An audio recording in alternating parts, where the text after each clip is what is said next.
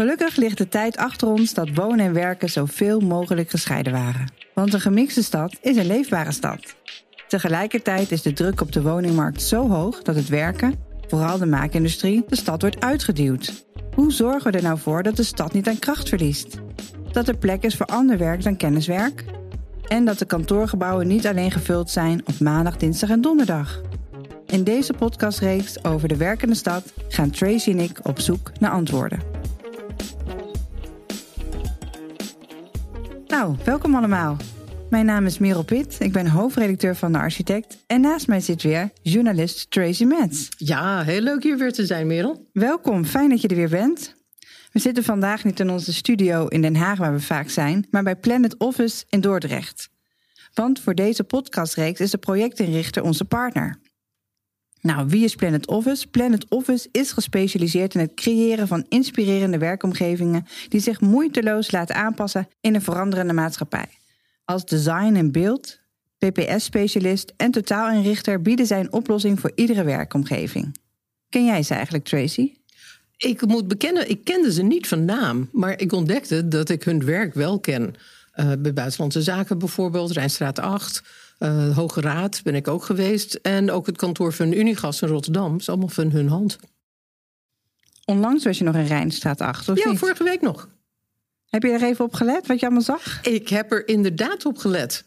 Leuk. Ja, ja, dat is heel grappig, omdat ik wist dat we hier zouden zijn. Heb ik uh, beter dan anders om me heen gekeken van uh, hoe is het hier? Het is een bekend project van OMA en met inrichting door Planet Office. Ja, met hun stoelen en alle andere producten. En Planet Office is dus niet toevallig bij deze reeks betrokken. Zij werken vooral in kantooromgevingen met hun producten. En daarom passen ze ook zo goed bij deze reeks. Want we gaan het de komende drie afleveringen hebben over de werkende stad. Waar werk jij als je aan het werk bent, Tracy? Ik ben uh, vaak op pad, interviews maken, reportages voor uh, podcasts. Uh, en als ik niet, dan ga ik naar mensen toe. En als ik zelf achter mijn bureau werk, dan zit ik of thuis of op het kantoor van het John Adams Institute, waar ik directeur ben, in het West-Indisch Huis in Amsterdam. En dat zijn allebei 17e eeuwse omgevingen. Weer heel anders dan hier. Heel divers waar jij allemaal werkt. Ja, ja vind ik fijn. Ja, ik uh, zit, uh, ben ook natuurlijk voor mijn werk op pad, maar ik merk al wel een stuk minder dan mijn vakredacteur. Dus ik zit ook veel in mijn tuinkantoor. Ja, jij hebt een tuinkantoor. Ja, in de tuin van, ons, uh, ja, van mijn huis. En anders bij, in het hoofdkantoor van VM Media in Zeist. En daar hebben we dus een heel kantoor ook ingericht door Planet Office. En, maar door de reistijd ben ik daar wel minder dan ik zou willen. Hm. Maar ik ben er geweest en binnenkort weer een auteursdag. Mag ik ook komen.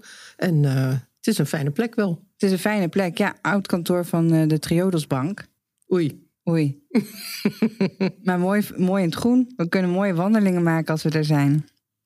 Dat is een grote pre. Um, in deze eerste aflevering gaan we het hebben over de werkende stad. Want naast kenniswerk wat wij doen, is het ook heel belangrijk dat er ruimte in de stad is voor ander werk. En dat is best wel breed. Ik kan denken aan een bierbrouwerij, maar ook aan autosloperijen of ateliers van kunstenaars. Maar betaalbare werkruimte is er in de stad bijna niet meer uh, te vinden. En dat is jammer en niet wenselijk. Hoe kijk jij daar nou naar? Ah, ik vind het echt ontzettend slecht voor de stad. Want dat is het wezen van een stad. Dat er allerlei dingen gebeuren. Wonen, werken, je komt onbekenden tegen. Uh, nieuwe soorten bedrijvigheid. Dat er ruimte is voor experiment. En als dat er allemaal niet is, dan krijg je een hele monotone stad. Terwijl we juist af willen van die scheiding tussen wonen en werken. Dus werk aan de winkel, wat mij betreft. Ik al een van onze gasten lachen. Ik heb een tijdje een bureau gehuurd in uh, een coworking space in de Caballero-fabriek in de Binkhorst. Bijzondere omgeving is dat, ja. hè? De Binkhorst, joh. Ja, ik keek uit dus op die asfaltcentrale van de BAM. En uh, ja, er waren autosloperijen. Ook altijd als ik daar fietste, hoorde ik voor mijn gevoel daar niet te zijn met mijn fietsje. Er waren alleen maar grote vrachtwagens met draaicirkels. En tegelijkertijd zijn de eerste woongebouwen daar nu opgeleverd. Wel aan de randen nog. Maar waar doen die mensen hun boodschappen? Ja, waar zijn de voorzieningen? Waar is een school? Waar is de kinderopvang? Waar is überhaupt een tramlijn? Heel Den Haag is ontsloten met de tram, maar niet de Binkhorst. Het is nogal wat. En tegelijkertijd worden al die andere plekken, die wat rauwere plekken, weggeduwd. En waar moeten ze dan naartoe? Nou, je geeft eigenlijk al aan waarom dat terugbrengen van werken in de stad zo moeilijk is. Ja, of houden ook. Ja, Want ja. voor al dat wonen, die mensen die willen helemaal niet de overlast van zo'n uh, asfaltcentrale. Jee, wie wil naast een autosloperij wonen? Zelfs Bernardina vindt dat niet. ja, want wie zit hier vandaag aan tafel, okay, Tracy? Okay. Wie, zijn, wie zijn onze gasten? Ja. Dat is om te beginnen Bernardine Morra. Uh, Belgische Italiaanse die ook nog vloeiend Nederlands spreekt. Redelijk. Ja, zeker, zeker. Je bent architect stedenbouwkundige, maar uh, ook docent-onderzoeker aan de HVA. En je hebt samen met Gert Oerhaan SPCITL opgericht. Ik weet niet hoe je het moet uitspreken, maar het staat voor Spontaneous City International. International. SP City. SP City. En je bent ook lid van een multidisciplinaire coalitie, Ruimte voor Werk. Daar ga je ons zo meer over vertellen. En je werk als onderzoeker heeft zich geuit onder andere in uh, een paar uh, publicaties die, die volgens mij veel impact hebben gehad. Mensenwerk in 2018 en je nieuwste Ecosystemen van Werk in de Stad uit 2020. Gert Kwekkenboom, een andere gast vandaag. Hallo, leuk je hier te zien. De laatste keer dat we elkaar zagen was in jouw nieuwe schoenenmuseum in Waalwijk. Oh, dat zou kunnen. Ja, ja, ja, ja. met die prachtige meubels, balie ook van uh, bio-based uh, bouwmaterialen. Heel mooi. Jij bent een van de vier oprichters van Civic Architects in 2015. En civic betekent per definitie publieke gebouwen maken. Zoals bibliotheken. Iedereen kent, denk ik, uh, Lokhal in Tilburg, waar je aan hebt meegewerkt cultuurcentra, onderwijsgebouwen, musea. En je bent ook een nieuwe weg ingeslagen als supervisor. Sinds dit jaar ben je supervisor van Buiksloterham en de NDSM-werf in Amsterdam. Klopt, ja. En dat zijn uh, uh, oude scheepsgebieden, uh, bedrijventerreinen. En dat moeten gemengde, gemixte is het woord, heb ik geleerd al. Gemixte gebieden voor wonen, werken en maken worden. Je bent ook gastdocent aan de Academie van Bouwkunst in Rotterdam. En mogen we hier niet vergeten, columnist voor De Architect. Ja, zo nu en dan. Ja. Bernardine, als ik met jou mag beginnen. Ja? Je bent architect stedenbouwkundige, uh, maar uh, je bent een beetje opgeschoven. Je bent je vooral gaan verdiepen in het proces dat daaraan vooraf gaat. Hoe is die overgang verlopen? Um, nou, goede vraag. Uh, principieel denk ik. Echt qua attitude naar de haalbaarheid en de maakbaarheid van de stad. Als je wilt het mooi maken, zeg maar, als je wilt dat de vormgeving klopt, moet eerst kloppen met de processen daarvoor. Dat was tenminste mijn, mijn aanpak.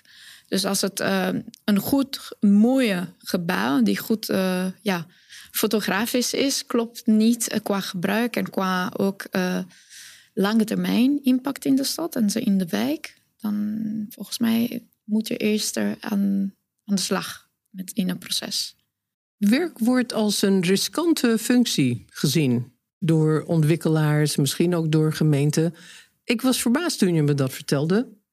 Hoe komt dat toch? Nou, het is een risico-investering, laat maar zeggen, voor normale ontwikkelaars. Als wij onder normale bedoelen um, het feit dat. Um, en niet voor alleen maar voor ontwikkelaar. Voor de hele wereld, als je ziet van de makelaar tot en met de ontwikkelaar, binnen de gemeentes, alles is verzuild. En alles, als jij kijkt bijvoorbeeld naar de woningbouw, we hebben corporatie, maar we hebben geen vergelijkbaar institutie of vergelijkbaar orgaan voor het werk. Dus voor het wonen is er heel veel wetgeving, heel veel regeling, heel veel standaards, heel veel cultuur. Hoe doe je, hoe ga je daarmee om? Terwijl uh, voor het werk, het lijkt alsof het een soort van niche van een bepaalde aantal vakmensen is. En die weinig aanraking heeft met het maken van de stad. En dat is juist waar ik mee aan de slag in de laatste jaren ben geweest. Want je zegt, je het is geen niche. Nee, het is geen niche. Het is een onderdeel van de stad. Dus we moeten samen wonen en werken en recreatie. Alles wat een stad betreft als emancipatiemachine goed in de gaten houden en samen ja, plannen. En hoe luister jij dan bijvoorbeeld naar Merel daarnet over de Binkhorst in Den Haag? Hoe je juist vanuit het werken dat gebied de stad intrekt? helemaal herkenbaar wat ze zei. Dat is juist een soort van. Um, ja, aantal vicieuze prikkels. Waar, eh, een soort van ei- uh, en kip uh, verhaal. Waar komt het eerst? En mobiliteit is volgens mij zeker een van de sleutels. Je noemt het de tram. Maar in de Binkhorst, uh, het is een fantastische voormalige bedrijventerrein... die juist richting gemengde stad moet, moet gaan. Het is een bijzonder voorbeeld in Nederland, bijna uniek. Er staat de asfaltcentrale, dus er komen heel veel duurzaamheidseisen daaraan om te kunnen mengen. Het wordt hier en daar gemengd, maar de prijsvierkante zodra dat een bestemmingsplan of een beslissing komt, een idee, dan, dan wordt de vierkante meter uh, duurder. En dat maakt het onhaalbaar voor de kleine maakbedrijven en alle type stadsverzorgende bedrijven. Die worden een soort van op een natuurlijke gentrificatiemanier weggejaagd van de plek. En tegelijk, wat u noemde, dat vind ik wel sterk, staat ook aan ons als burgers. We moeten onze cultuur richting het werk en het tolereren van werk veranderen. Dus als een vrachtauto s ochtends om zeven uur aangaat, moeten we niet te veel daarover klagen. Want de horeca kan wel tot vier uur. Niemand klaagt daarover. Oh, iedereen klaagt erover. Ja, oké. maar toch, het is wel meer getolereerd, vind ik. Als je kijkt in andere steden zoals Brussel, ja, we wonen boven het werk, of over de auto, de garage. Het is meer hoe het hoort. En wordt overlast daar meer getolereerd of minder als overlast gezien?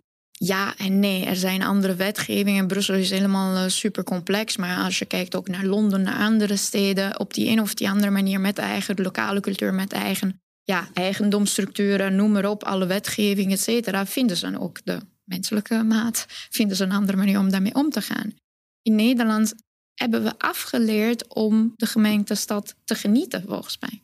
We zouden dan eigenlijk, ik zit nog na te denken over dat je zegt, er is, zodra we voorzieningen toe gaan passen, zoals de tram, en ik ken het toevallig Voorburg ook goed. Mensen protesteren daar ook allemaal tegen, want die willen helemaal niet dat er een tramlijn gaat komen. Maar goed, stel dat die daar komt, dan wordt de vierkante meter prijs van de grond waarschijnlijk hoger, omdat het beter bereikbaar allemaal wordt. Ja, mobiliteit heeft wel een impact over de prijs van de vierkante meter. Maar de grootste impact is wanneer je weet zeker dat er woningbouw komt. Ah ja, dus dat wanneer gewoon een bestemmingsplanverandering. Ja, ja. Maar precies. moet je dan niet eigenlijk voor die kleine werkplaatsen een soort van sociale werkruimtes hebben, net als sociale woningbouw? Dat is een van de grootste.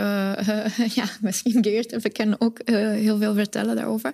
Um, daar zijn we mee bezig. In het hele Nederland zijn er nieuwe voorbeelden van hoe, hoe kan je daarmee uh, opstarten. Bijvoorbeeld, misschien Geert kan vertellen over hoe uh, in het Hamerkwartier wordt gedaan. Trouwens, door Stipo, dat is een van uh, onze collega's binnen de coalitie. Met het werkcorporatie. Oh ja. En dat is juist een nieuwe model. Een soort van het is nog in beweging, dus het is nog niet fix. Ik kan niet te veel daarover vertellen, behalve Jaaf, die, uh, die is daarmee bezig. Maar het gaat juist, en dat is ook het specifiek van werken. Dus als je denkt bijvoorbeeld aan maakbedrijven of kleine ondernemers, die hebben een totaal andere type ruimtelijk en wettelijk en alle type behoeftes uh, om in een stad te blijven. En vaak zijn ze riskante, dus ik kom terug naar jouw vraag, um, huurder voor ontwikkelaars. Want aan die ene kant weten niet precies welke type ruimte hebben ze nodig. Aan die ene kant weten niet hoe lang ze blijven of ze kunnen het betalen voortdurend. Terwijl woningbouw, vooral in succesvolle steden zoals Amsterdam, is zo meteen verkocht of verhuurd.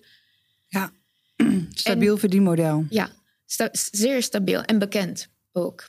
Dat is ook het punt. Die anderen zijn een soort van onbekende velden. Dus je moet nieuwe strategische samenwerkingen aangaan. Dat helpt. Bijvoorbeeld, ik ben een voorstander van impact-economie.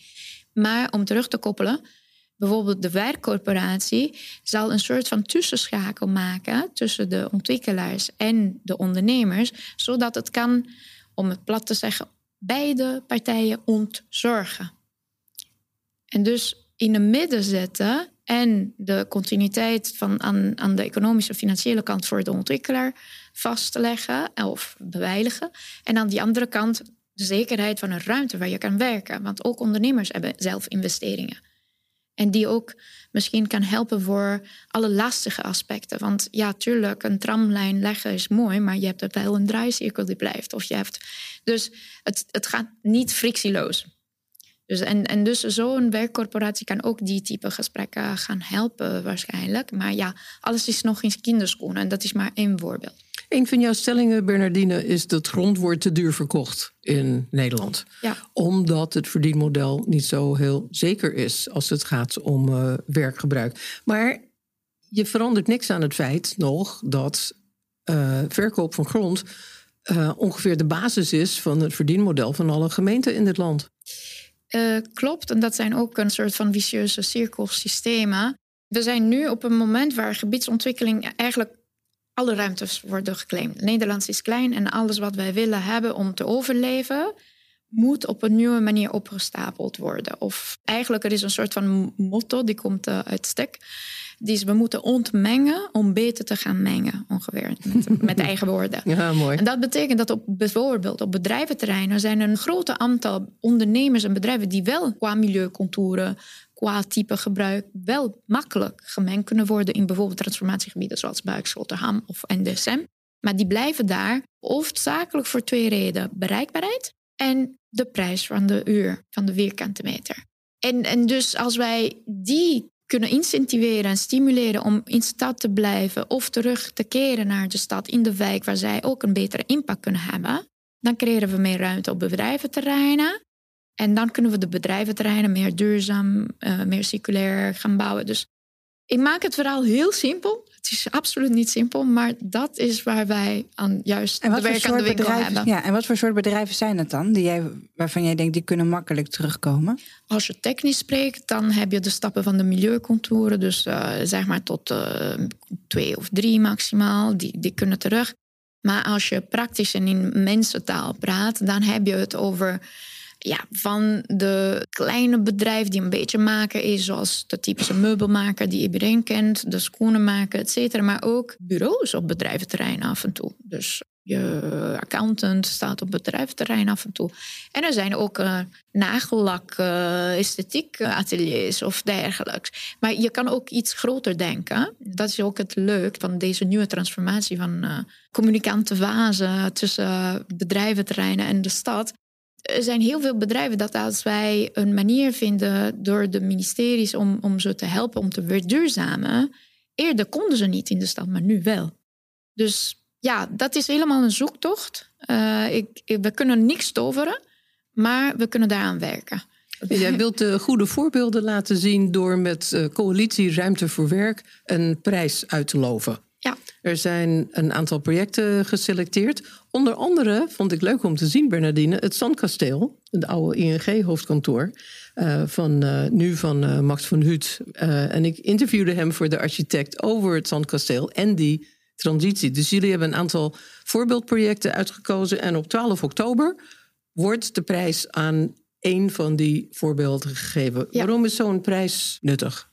Goeie vraag. Dat, dat is ook uh, eigenlijk dat is de eerste editie. Het is, uh, we hebben ontzettend daarvan geleerd, van het hele proces. Het is nuttig om aan te moedigen, ten eerste. Juist om, de, om te laten zien dat mengen van wonen en werken kan. En het betreft niet alleen maar kantoorruimte. Dus dat was een beetje tricky. Dat vaak hebben we heel veel inzendingen die ze toch kantoren uh, hadden. En het gaat jullie juist om het mixen. Ja, het gaat over mixen en juist minder de kenniseconomie, maar die andere type bedrijvigheid. Dus de andere type ondernemers. En um, dus dat was aan die ene kant zeer interessant om te zien welke samenwerkingen laten nieuwe interessante projecten ontstaan. Welke ontwikkelaars durven dat aan? Wat komen ze tegen? Want ja, het is sowieso ontzettend moeilijk voor iedereen, voor alle stakeholders. Maar af en toe zie je, zoals het staat ook in de publicatie, nieuwe rollen die ontstaan. Dus nieuwe type investeerders. Daar komt bijvoorbeeld juist de impacteconomie. Want de terugwinst van een ontwikkelaar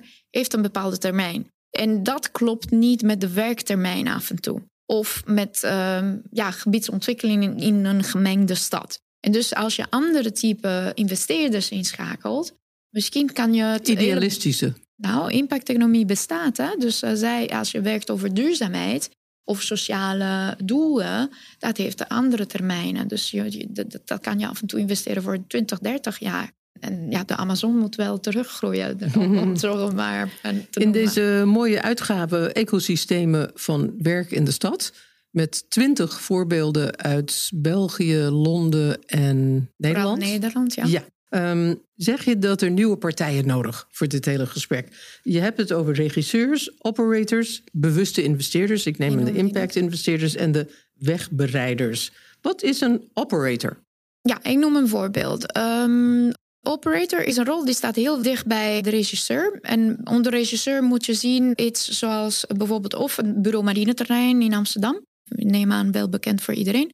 Of ontwikkelmaatschappijen zoals HMO in Overijssel. Dat zijn juist de regisseur, dus pakken de hele boel op en hebben een mandaat van de overheid. En die kunnen de voortgang bepalen. Dus die gaan zelf de ondernemers of die hebben vaak financiële vermogen. Dus die, die hebben de stuur op een gebied waar oppervlak kan veranderen. Maar het is op gebiedsniveau of op stadsniveau, zoals in Antwerpen, bijvoorbeeld de AG Westbouw CityDev in Brussel. Een operator doet een beetje hetzelfde, maar je kan het in andere woorden noemen als een curator. En die doet het op een kleinere schaalniveau en komt iets later in het proces. Die komt vaak op panniveau te werken. En die heeft direct contact met de ondernemer zelf. Dus die is weer een ontzorger, maar die is juist eh, op het dagelijks niveau. Een soort, Uh, een soort huisvader. Iets meer, kan, kan iets meer. Als je neemt bijvoorbeeld een SCAR in Rotterdam, die doet het op verschillende plekken, vaak namens de gemeente in Rotterdam. En dus heeft meerdere panden in bezit, zoals de wasserij bijvoorbeeld. Maar de wasserij hebben ze ook zelf ontwikkeld. En dat is een prachtig ergebruikpand, waar een fashion hub, uh, duurzame fashion hub is uh, ingekomen. Ja, ze maken hele leuke dingen. Ik heb iets van ze, moet zeker. ik hier bekennen. Ja, zeker. Maar een ander voorbeeld is in Londen uh, Three Space. Die werken aan tenders en die nemen een hele pand in bezit. En dus ze zorgen dat alles klopt. Maar wie komt in, wie komt buiten? Dus dat, dat is juist de flexibiliteit die een operator kan bieden. Die is heel goed voor ondernemers. Want je hebt van de start-ups die misschien maar een zes maanden een ruimte nodig hebben. En dan gaan ze groeien of krimpen of gewoon uitsterven. Tot en met aan die ondernemers die bijvoorbeeld daar in Londen bij Brixton hebben ze een hele pand waar één vloer is door een uh, textielatelier in gebruikt. Dus ze hebben een heel groot apparaat gekocht en die moeten de zekerheid hebben om daar zo lang mogelijk te kunnen blijven. Het doet me een beetje denken aan het proces dat we jarenlang kennen in de grote steden om broedplaatsen zeker te stellen. Om betaalbare ruimte aan kunstenaars te bieden. Zeker, er zijn ontzettend veel parallelen. Grof gezegd, wat ik zou wel onderscheiden is dat wat mij betreft het gaat ook over echte werk. Dus kunstenaars, creatieven zijn een onderdeel van alle doelgroepen die in de stad leven. Terwijl als je denkt aan de loodgieter, niemand gaat een loodgieter een creatief benoemen. En als je denkt aan uh, innovatieve andere type bedrijf, zoals een uh, chipmaker of een, uh, iemand die werkt om het makkelijk te maken voor iedereen met een 3D-printer, is het echt een creatief? Nee, het is een andere type werk. Vieze handen. Ambachten. Ambachten, maar ook moet je ook grotere, iets grotere schaal gaan bedenken. Dus als je kijkt naar werk, moet je ook bedenken op welke schaalniveau willen we mengen. Wat betekent mengen? Want als je hebt op gebiedsniveau, zoals bijvoorbeeld in het Achtersluispolder, het is wel een toevoeging aan de stad als Achtersluispolder een bedrijventerrein blijft, deels in enkele kleine deelgebieden gemengd met wonen. Maar het maakt het feit dat het, uh, het bijdraagt aan de gemengdheid van de hele stad. Als je denkt op wijkniveau, dan moet je aan andere type bedrijven denken. En daar is ook waar het riskant wordt voor meerdere partijen. Want het is een onbekende wereld de schalen, de verschillen. Als je denkt aan woondoelgroepen, ze zijn allemaal ingekaderd. We weten hoeveel vierkante en dan groeien ze met een kind, bla bla bla. Terwijl ondernemers zijn, zijn heel veel meer fluïde, heel veel meer divers. En dat is niet zo makkelijk om in te kaderen. Tot slot, Bernardine, we hebben natuurlijk heel veel gevolgen van COVID gezien. Er staan nu ontzettend veel kantoren leeg, kantoorgebouwen. In San Francisco staat de helft ja. van de kantoren leeg. Het is ongelooflijk. Dat heeft een enorme impact op de stad. Bieden deze gebouwen misschien nieuwe perspectieven voor dat mixen? Wie weet. Um, ja, ik weet dat San Francisco bijvoorbeeld echt onherkenbaar is geworden, blijkbaar. Dat het een super arme stad is geworden ten opzichte van de prachtige beeld die uh, iedereen heeft. Kantoren omtoveren of converteren naar woningbouw of andere functies kan. Denk bijvoorbeeld aan het gele pand in Rotterdam in Soho. Die al, ja, ze hebben zelf de ondernemers die panden als samenwerking uh, genomen en een um, uh, goederenlift daarmee gemaakt, zodat ze konden ook met grote apparatuur boven. Trouwens, goederenlift en hoge plafond zijn vaak een van de randvoorwaarden om te kunnen transformeren. Als een kantoor bijvoorbeeld dat niet heeft, dan werken wordt moeilijk. Maar in Londen, de, het voorbeeld die ik net noemde, was een uh, borough-kantoor. En daar is het gelukt met uh, um, iedere vloer is of een buy, dus uh, huurder die kunnen betalen, of een give floor, dus huurder die niet kunnen betalen. Maar iedere vloer is wel geschikt voor ontzettend vele typen aandacht. Van fotolaboratorium tot en met het fabric atelier. En anderen. Dus hangt heel veel vanaf. ehm, Ja, dat, want wij, Afkelaarakker is daar geweest hè, voor de architecten, om daarover te schrijven. Ja. En ik heb haar artikel natuurlijk gelezen. En wat ik daar boeiend aan vond, is dat je dus zegt, er zijn dus inderdaad vloeren waar mensen werken met een bedrijf die eigenlijk de huur niet kunnen betalen. En er zitten dus bedrijven die de huur makkelijk kunnen betalen. Dus er zit toch een soort van sociaal support system in dat hele bedrijf. Het is een eis eigenlijk. Hè? Ja. En dit is niet een onbekende manier om daarmee om te gaan, want eh, ook in Amsterdam was het al bekend een beetje. Maar nu wordt het eh, steeds meer gehaald als een succesvol model. En het is ook leuk om, eh, want 3D Space bijvoorbeeld gebruikt de quote van de beroemde Amerikaanse mevrouw. Ehm, Jane Jacobs. Jane Jacobs, dankjewel.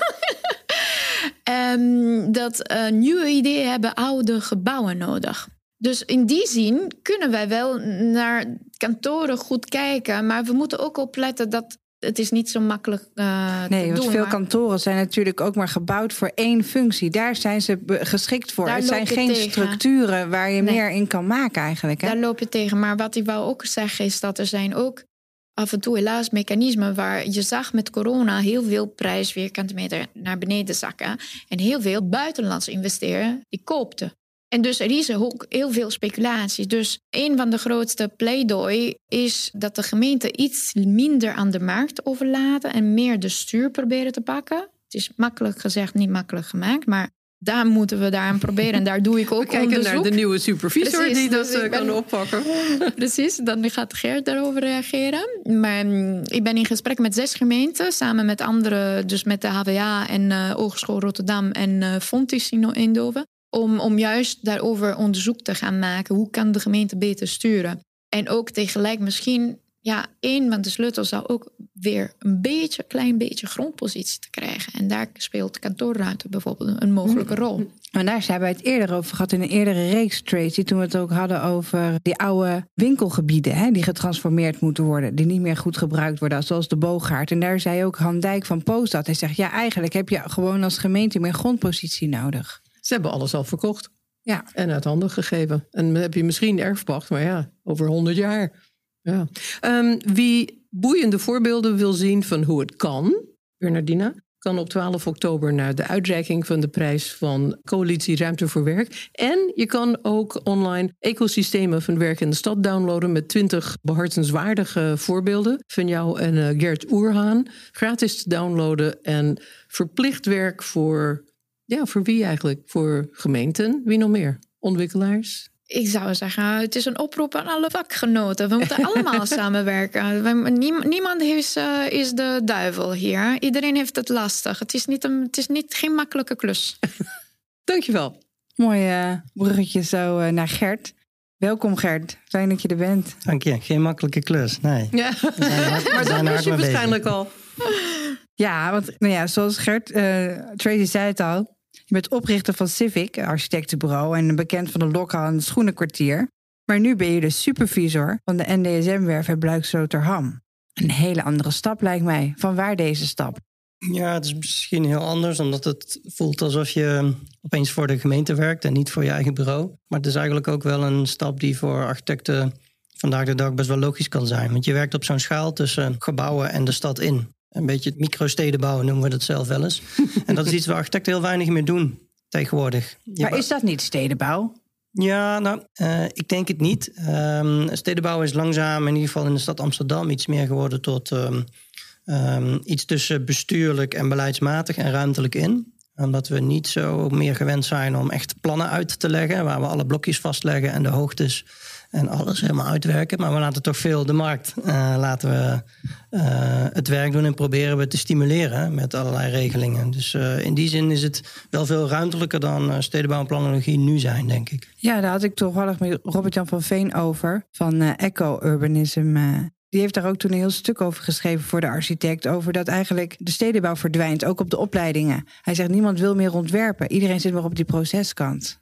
Ja, ja, misschien is andersom vanuit ons de behoefte. We werken heel veel aan gebouwen en we worden voor allerlei soorten gebouwen gevraagd. Maar eh, dat zijn echt postzegeltjes. Ehm, en als je, zoals wij met het bureau, ook de, het effect van de architectuur op de stad en op de civil society, zoals we zullen noemen, wel uh, kennen, dan is ook werken in zo'n omgeving die daartussenin zit heel logisch voor ons als bureau ook, om die kennis op te doen, ervaring op te doen. En wie weet, uh, over een aantal decennia wordt er weer wat meer stedenbouw of stadsontwerp gedaan door architecten. Ja, stadsontwerp. Het gaat echt over bouwen, ontwerpen aan die stad. Ja. Maar doe je dat ook als supervisor? Nee. uh, in die zin dat um, uh, de gemeente Amsterdam ook gezien heeft dat in de gebieden waar hoge ambities liggen, zoals in uh, Buik maar ook circulariteit en ehm, de productieve bedrijfsruimtes, echt nieuwe ambities zijn.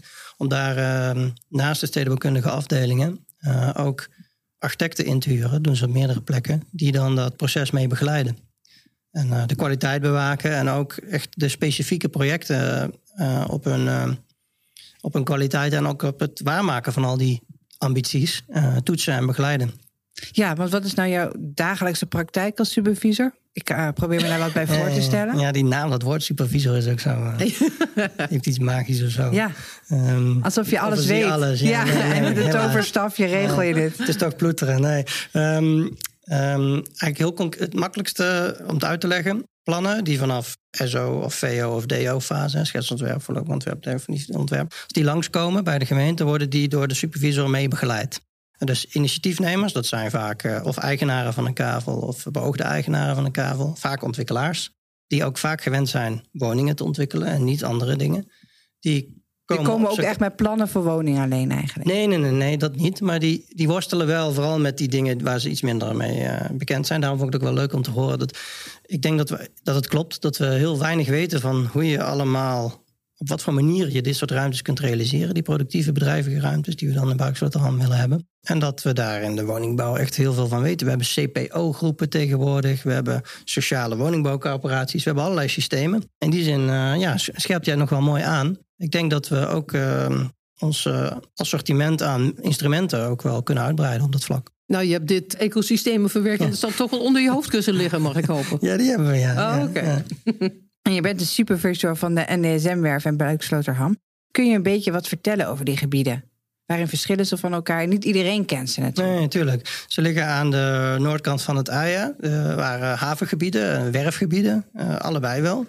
Het ene wat monumentaler dan het andere. Iedereen kent de NDSM-loods en de werven met de hellingen wel. Er worden ook tegenwoordig veel evenementen georganiseerd. Er zitten ook kunstenaars en broedplaatsen in. En ja, de grap is dat die gebieden allebei heel veel productie en werk hadden.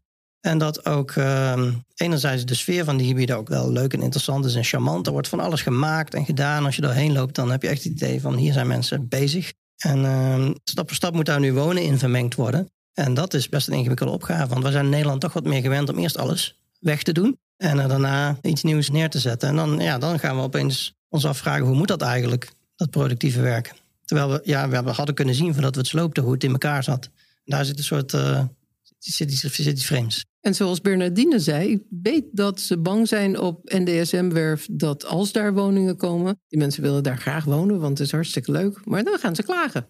Ja, en de Zemwerf is wat dat betreft nog wel um, een andere plek dan Buikstoteram. Want Buikstoteram heeft vanaf het begin nu ook echt die productieve bedrijvigheid uh, een rol. En in, um, in de NDZM zie je wat meer. Je hebt Oost, dat zijn de mooie oude loodsen... waar ook evenementen kunnen plaatsvinden. En je hebt West, en daar komt bijna alleen maar wonen. Met wel een aantal functies in de plint. Uh, maar je ziet toch, daar begint ook steeds meer de behoefte te ontstaan... om dat toch iets meer te reguleren. Want op den duur heb je wel genoeg koffietentjes. Uh, en wil je ook een ander type aanbod naast het wonen. En uh, ja, daar wordt nu naar gezocht. Maar daar is de, het verschil wel wat groter, ja, dat klopt. En je hebt wel eens een keer de term laten vallen werksegregatie. Dat is een opgave waar Amsterdam uh, mee moet dealen. Ja, goede kreet zeg. Ja, we, werken, ja we, je zei het net ook al, hè, werken. Iedereen denkt meteen aan kantoren. Aan laptops, MacBooks. Werken is MacBooks. Kenniswerk. Kenniswerk, ja. Uh, maar ja, er, er wordt op heel veel verschillende manieren gewerkt. Je noemde net al wat voorbeelden, maar bijvoorbeeld laboranten werken ook. Hè?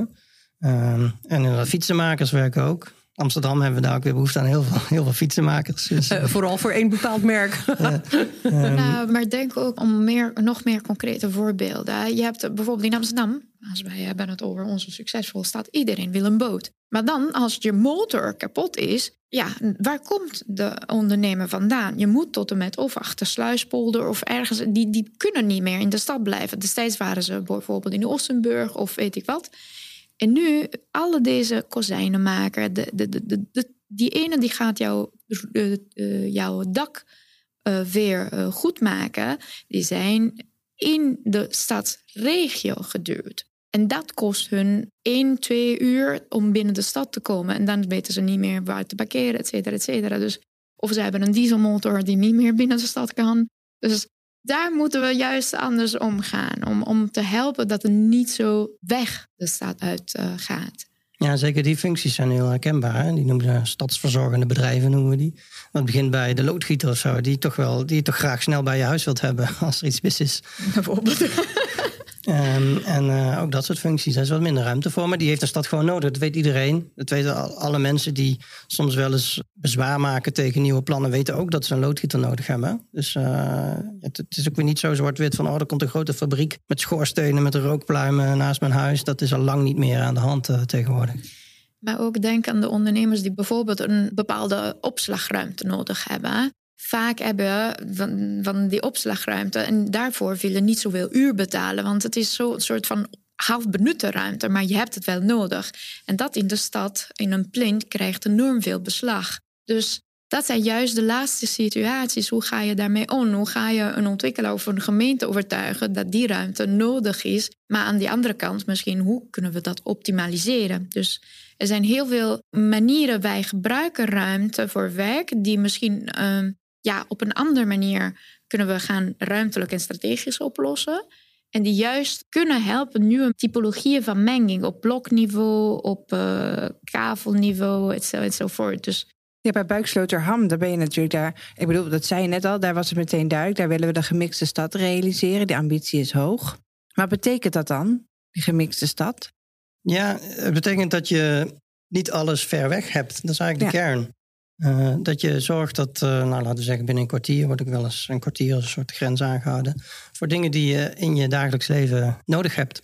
Ja, ja. dat is ook de 15-minute city van uh, Anne Hidalgo, hè, de burgemeester van Parijs. Precies. Ja. Absoluut. En dat is prettig omdat je makkelijk met de fiets of de voet ergens heen kunt en veel minder verkeersbeweging hebt. Dus het heeft ook een component op impact in CO2. Ja, en nog los van de krankzinnige parkeertarieven in de hoofdstad. ja. En het is ook gewoon een leukere stad, want er is meer te doen. Dat is wat de stad is, hè? Ja, maar hoe doe je dat dan? Heb je dus nieuwe typologieën nodig, zoals Benedine net zei? Ja, nieuwe of, of oude. Ik zat net te denken, toen, toen we het hadden over overspanningen van kantoren... en of dat je die dan kunt gebruiken in de toekomst. Met bureau doen wij heel veel aan transformatie, ook van industriële uh, gebouwen. En dat zijn, die gebouwen zijn nu zo populair omdat ze toen zijn gemaakt met een maat om grote locomotieven... of weet ik veel wat allemaal te maken. En dus uh, overgedimensioneerd zijn. En dan kun je nu van alles mee. En een soort van dat meenemen naar hoe je nu nieuwe gebouwen uh, maakt, is misschien ook helemaal niet zo'n slecht idee. Dus als je nu nadenkt over wat voor gebouwtypologieën maken we. Uh, misschien ze die overspanningen wat ruimer uh, pakken, die verdiepingshoogte wat hoger. Dat zou best wel eens wat meer flexibiliteit en ook duurzaamheid naar de toekomst met zich mee. Het is wel moeilijk voor ontwikkelaars natuurlijk. Extra investeren voor toekomst die nog ongewis is. Ja, er zitten een beetje twee kanten aan. Want uh, de buikzodram is zo in elkaar gezet. Er, er is een soort ontwikkelmechanisme in werking gezet om bepaalde verhoudingen tussen functies uh, waar te maken. En als je volgens die regels ontwikkelt, dan kun je ook wat meer woningen ontwikkelen dan volgens bestemmingsplan het geval zou zijn geweest. Dus dat is een prikkel, tenminste dat is bedoeld als een prikkel, om initiatiefnemers ook die ruimtes te laten realiseren. En de vraag is dan vooral, hoe ga je dat doen? Uh, we hebben verschillende voorbeelden zien we nu langskomen van bijvoorbeeld een plint, waar heel veel productieve bedrijvigheid in kan met wonen daarboven. Als je dat klein doet, dan uh, is dat best wel complex bouwen en wordt ook best duur. En we krijgen ook soms van ontwikkelaars terug: dit perceel is zo klein, ik krijg het daar niet in elkaar gepast. In sommige gevallen is het misschien veel fijner om een woongebouw naast een nieuw werkgebouw te zetten en zo lift toe te voegen en dan ben je er ook. Ja, dus de vraag is dan ook op welke schaal moeten we mixen? Precies. Ja, ja. En, en Ja. ook, eh, ik haak in aan, aan beide jullie. Er is niet maar één oplossing. Het is niet dat wij nu een nieuwe typologie gaan vinden en dan gaan we alles met een stempel bouwen. Het gaat over meerdere nieuwe typologieën. Het gaat over heel veel transformeren. Dus er zijn meerdere wegen, meerdere paden die wij moeten gaan eh, bewandelen. En ook om meneer te zeggen, ik denk dat Buiksloterham was in het begin een supergoed plan. Het had speelregels die juist heel goede incentives hebben gehad of gegeven aan wie kon de, de ontwikkelen. Om juist de verhouding tussen de wonen en het ondernemen ruimte goed in balans te brengen. Dat was heel goed gepland in het begin, vind ik. Mhm. Maar Gert, ken je ook nou een voorbeeld van een gebouw waarvan je denkt, nou kijk, daar wordt nou echt goed gewoond en goed gewerkt? Eh, ja, maar ik ken ook een ander goed voorbeeld wat ik ook wel even wilde noemen. Want eh, het is niet altijd alleen maar nieuw. Sommige dingen kennen we al een beetje. Ik ben een enorm fan van het Groothandelsgebouw in Ja. eh, Rotterdam. Dat is gewoon, het staat er Ja. nog steeds. Fantastisch gebouw. Is ook wel heeft een beetje maat. Dus eh, je, moet het ook, je moet het ook niet te klein willen maken, denk ik. Want anders kun je er ook niet zoveel mee. Dan kun je ook niet groeien als eh, bedrijf.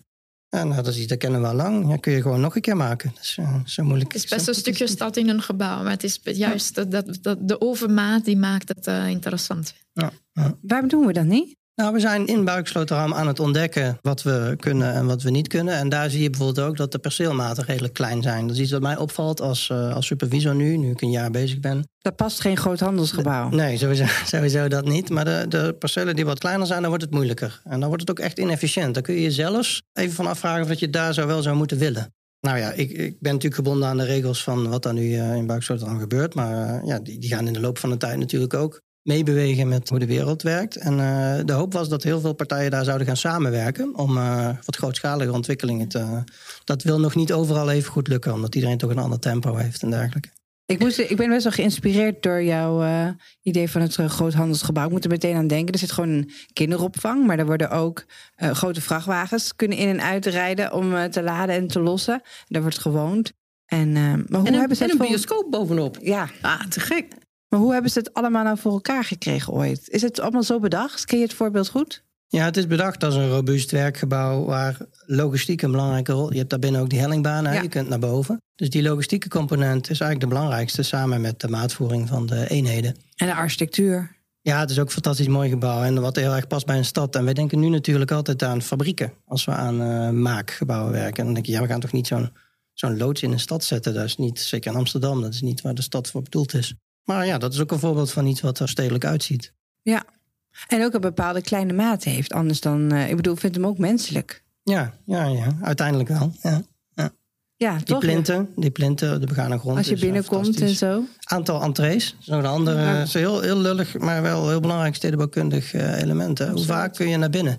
En hoe vaak komen mensen naar buiten toe? En, en, eh, de scheiding ook, hè? de logistiek en de mensen. Dus uh, dat, ja, dat iedereen zich veilig voelt. Hè? Want het, we hebben, wat wordt in de, in de jargon genoemd, de driewieler dilemma. Hè? Je wilt geen driewieler platrijden met een vrachtauto. Nee, liever dus, niet. Dus uh, dat, dat, dat zijn juist de, de ingangen, de, de, de flows. Hoe ga je dat ruimtelijk uh, toepassen? Dus ik ben het niet zo mee eens dat wij alleen maar naar in proces in stedenbouwen kijken. Hè? Dus er is heel veel te ontwerpen volgens mij. Ja, maar nog. die zijn er dus zo weinig. Want ze worden dus ook niet meer opgeleid. Nou, ik zit juist in de opleiding voor. Ja?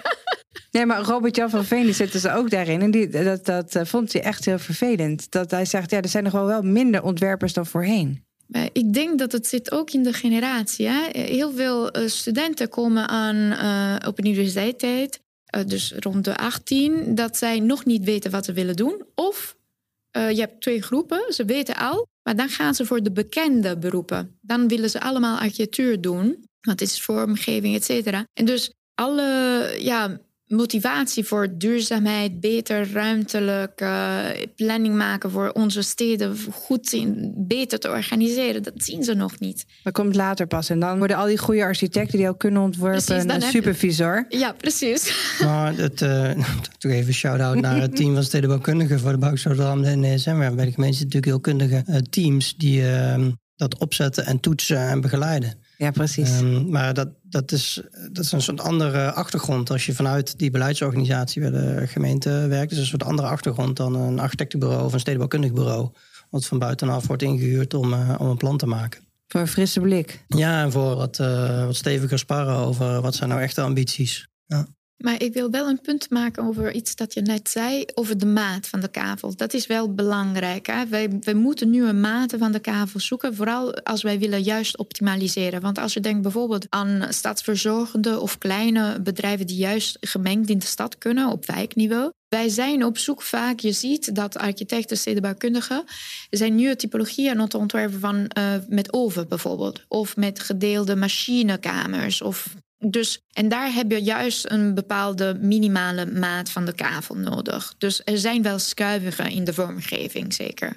En dat moet je, net zoals destijds ieder ontwikkelaar maakte zijn plannen gebaseerd op de stramien van de garage. nu moeten we misschien iets anders gaan bedenken. Een nieuw stramienmaat. En kan je dan zo'n plan hè, die al liggen voor Buiksloterham ook aanpassen als supervisor als je met zo'n eye-opener binnenkomt? Er is een klein beetje ruimte om in gesprek te zijn over eh, de precieze regels. Maar de basisregels zijn uh, wat ze zijn. Maar toch vaak als je als medeontwerper aan een tafel zit en suggereert van hey, misschien moeten we deze kant op schuiven met die logistiek en dan staat opeens ruimte om het op te lossen. Dan kun je toch nog wel van een grote waarde zijn zonder alle regels aan te passen. Heb je dan niet, Gert, als je daar als ta aan tafel zit als supervisor, dat je handen jeuken? Om zelf te gaan ontwerpen? Nou, nee. Het gaat een beetje twee kanten op. Het is heel leuk om onderdeel te zijn van het proces. En om uh, zo nu en dan een belang te noemen wat dan zichzelf gaat oplossen.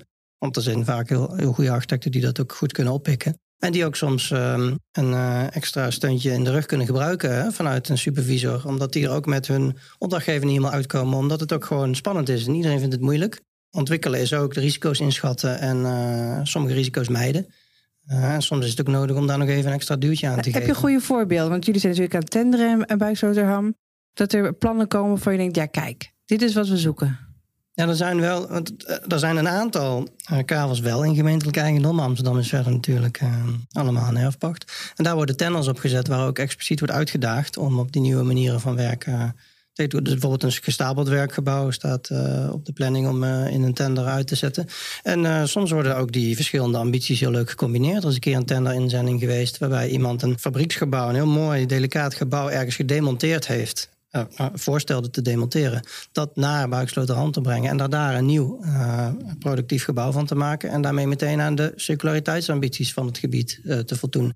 Nou, dat is wel een soort voorbeeld van hoe creatief ontwerperschap uh, leidt tot uh, mooie nieuwe oplossingen. Mm, zoals het uh, theater van CPZ aan, de, ja. aan, de, aan het ja. strand van Den Haag. Dat ligt nu opgeslagen om elders weer opnieuw opgebouwd te worden. Nou, fantastisch natuurlijk. Ja, zeker. Zie je nou ook, hè, als architectbureau werken jullie veel aan, aan publieke opgaves. Is dit een opgave waar jullie ook graag je tanden in zullen willen zetten? Zo'n uh, nieuw woon-werkgebied, gebouw?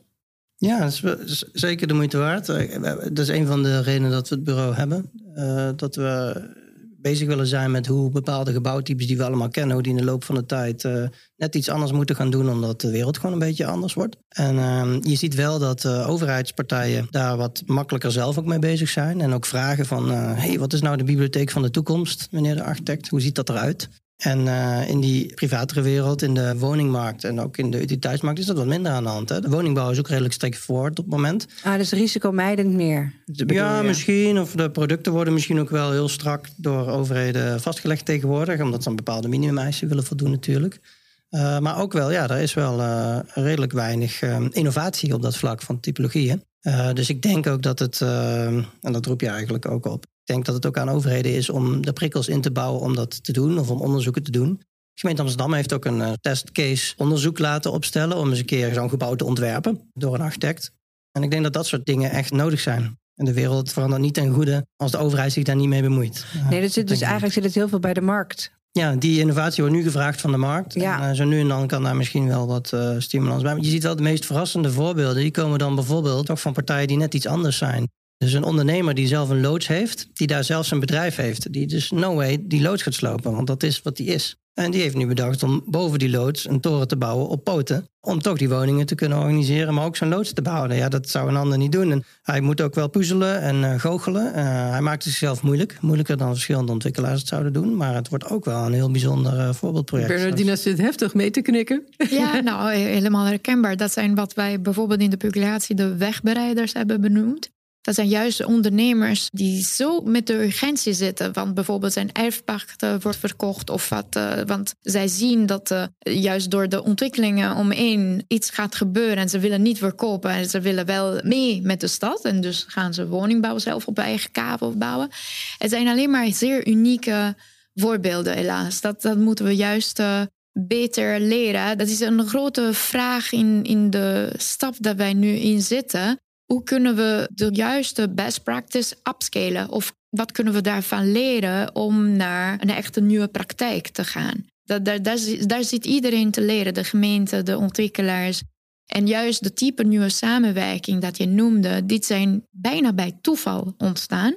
Maar ja, wat heeft het aan? Wat, wat, wat, wat kunnen we daarvan en hoe kunnen we dat repliceren? Wanneer is het geschikt, wanneer is het niet geschikt? Dat zijn we juist even allemaal aan het, aan het zoeken. Ja, ik heb het gevoel, maar misschien ben ik daarin heel naïef of uh, heb ik het totaal niet begrepen, dat er gewoon een enorme opgave ligt in al die ontwikkelaars en investeerders mee daarin te krijgen in dat verhaal. En ook uh, ze misschien andere soort met de bank in gesprek dat ze andere verdienmodellen of zo moeten hebben of op een andere manier hun geld. Want ik bedoel, ontwikkelaars zitten ook aan enorme marges gebonden, willen ze weer door kunnen, weet je wel? Dus het zit eigenlijk in het hele begin wat zij eigenlijk daarna kunnen gaan doen. Nou, maar en in Buikscholterham en DSM en andere plekken. Je ziet dat de gemeentes doen stappen. Bijvoorbeeld de gemeente Amsterdam ja, is een bijzondere gemeente, maar is heel uh, bezig met experimenteren. Af en toe maken ze fout, af en toe niet, sorry. maar je ziet ook heel veel ontwikkelaars die uh, hebben innovatieve teams opgebouwd. Dus er zijn wel af en toe enkele projecten die plotseling je zegt, nou, het is uh, AM heeft dat gedaan of uh, Amwest heeft dat gedaan. Dus ze zijn ook alert. Ze zoeken, maar het is ook voor hen niet makkelijk om nee, buiten de normale patronen te komen. Ja zit allemaal een beetje vast. In, in Nederland zou je kunnen zeggen dat Lingotto bijvoorbeeld is een van de meest vooruitgaande type ontwikkelaar. Die zoekt juist de grenzen. Maar ja, ze zijn ook uh, aan Ja, Westbeat, daar ben ik nog geweest en over geschreven. En er zou onderin een heel geweldig mooi uh, café-restaurant komen. En dat is uiteindelijk nu toch kantoorruimte, want oh, ze konden gewoon geen gebruik Maar, maar dat is juist de vraag. Dat, daar, daar zijn we ja al in, in tien jaar stappen uh, vooruit gegaan. Met ja. een mengen van dat soort type functies hoe kunnen we nu echt de rest van, de, van het werk integreren? Dat is, dat is best een grote vraag. Ja. ja, en de stad Amsterdam is wel heel veel met uh, de toekomstige verhuizing van sekswerk bezig. Ja, maar, bijvoorbeeld. In het uh, DSM is de vraag. Ja, precies. Dan kunnen we eventueel in uh, dat gebied, ja. Um, maar die andere vormen zijn net zo, net zo goed belangrijk. En dat, kunnen ook, ja, dat kan ook iets simpels zijn. Hè. Ja, noemde zelfs al nagelsalon. Dat is niet echt een productieve maar het is wel een plek waar gewerkt wordt door ander soort mensen dan MacBook Harvard graduates. Die dan bij Booking veel... bovenin de toren zitten, weet je al. En je ziet ze ook in veel leegstaande winkels terechtkomen, toch? Ik bedoel, het centrum van uh, Oud-Rijswijk, waar ik in de buurt woon... er zijn heel veel... Uh, Helemaal vol. Massagesalons, massagesalons, nagelsalons. En, uh... Ja, en Amsterdam speelt ook nog, um, zeker in Buikstad-Ham... die relatie met de omliggende wijken. Ja, veel ja. mensen werkten in het gebied van Buikstad-Ham... Die, in, die daarboven woonden. Ja. Uh, en uh, die relaties tussen buurten en die netwerken in een stad wil je ook niet rigoureus uit elkaar trekken. Dat wil je op doorbouwen. Ja, dan zie je ook dat niet alleen kennis, maar ook vaardighedenwerk ja, heel belangrijk is in dat gebied. En uh, dus een, een verbinding wordt gezocht. Zeker. Eh, je raakt daar ook een, een, een, fenomeen die is best bekend. Hè? Nu, nu heb je niet alleen maar ondernemers die de stad verlaten, want zij kunnen er niet meer veroorloven qua vierkante. Maar er zijn ondernemers die voor uh, toevalligheid uh, hadden de gelukkige kans om zijn grond te kopen en de pand te kopen. En dan zitten ze heel goed. Maar zijn werknemers hebben geen woning in de stad meer, dus ze moeten twee uur reizen. Dus van wie is de stad? Werk houden in de stad maakt ook de stad inclusiever. Dus toen jij noemde leefbaarheid, daar, daar gaat het over. Leefbare stad. Leefbare stad is ook inclusief dus, door werk ja. te bieden aan iedereen, net zoals een woning. Dus de recht voor een woning moet je bijna vergelijken aan een recht voor een baan. Nou, dat is een supermooi eh, einde van dit gesprek. Amen. Amen. Amen. nou, ik wil in enkele jaar halleluja kunnen zeggen. Ja, het, het vergt ook veel uh, bijsturen. Gaan continu bijsturen. En dat is wel, dit gaat zo ja. snel. En je ontdekt ook, uh, ja, er worden fouten gemaakt inderdaad. Je leert ook terwijl je bezig bent wat, hoe, wat er precies wel en niet werkte aan dat wat je aan het doen was.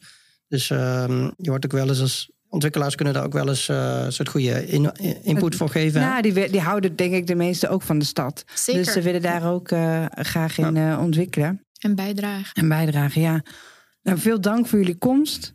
Eigenlijk klinkt het heel simpel en willen we het allemaal. Maar er komen, dat is uh, heel wat moeilijker. Dat is wat ik eruit haal. Jij, Tracy? Ja, ik ook. En heel veel inspiratie en goede ideeën. En dat ook oude ideeën nog steeds nieuwe waarde hebben. Ik vind het bemoedigend. Wat ik heel bemoedigend vind, is wat uh, Gert net zei, is de, de gemeente voorop lopen. Want zij stellen de regels. En daar hebben ontwikkelaars maar naar te handelen. Dus de gemeenten hebben volgens mij meer macht dan ze misschien durven uit te oefenen. Dus gaan met die banaan. Ja, het is ook wel, tenminste, van de Binkhorst weet ik dat het dan ook wel ingewikkeld is hoor. Want dan, dan, dan gebeurt er gewoon niks als ontwikkelaars het niet zien zitten. Dus dan heb je dat als gemeente helemaal bedacht.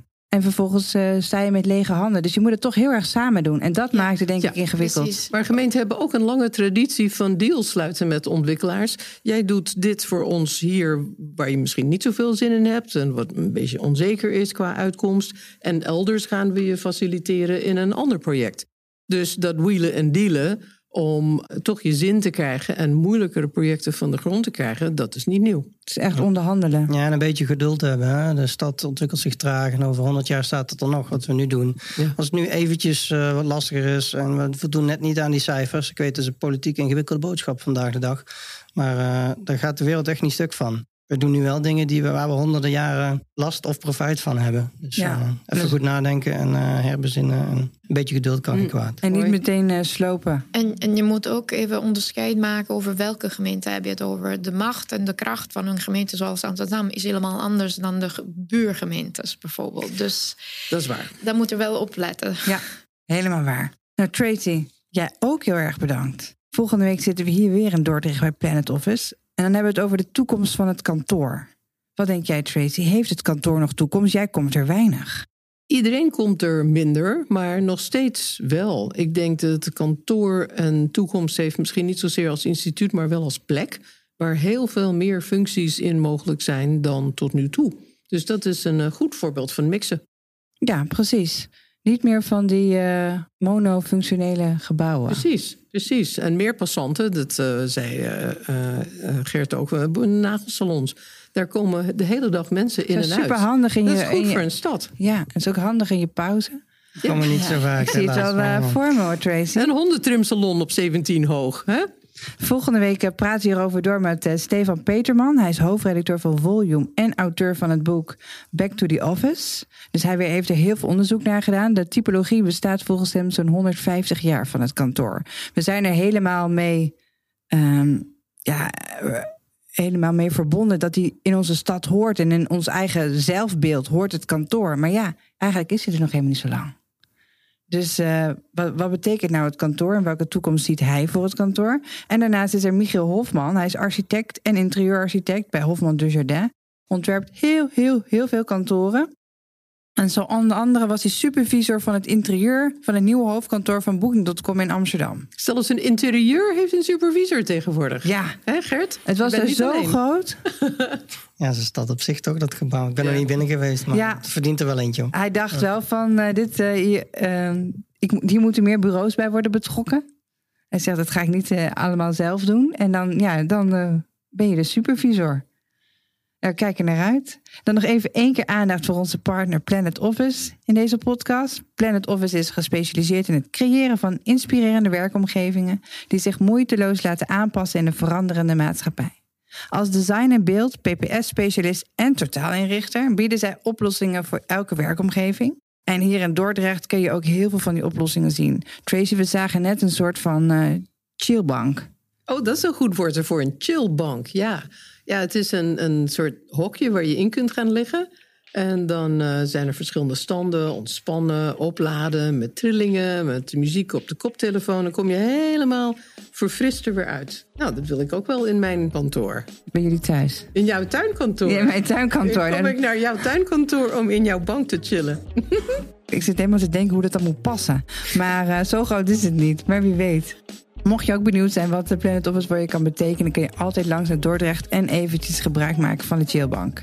Dank allemaal voor het luisteren en tot de volgende aflevering.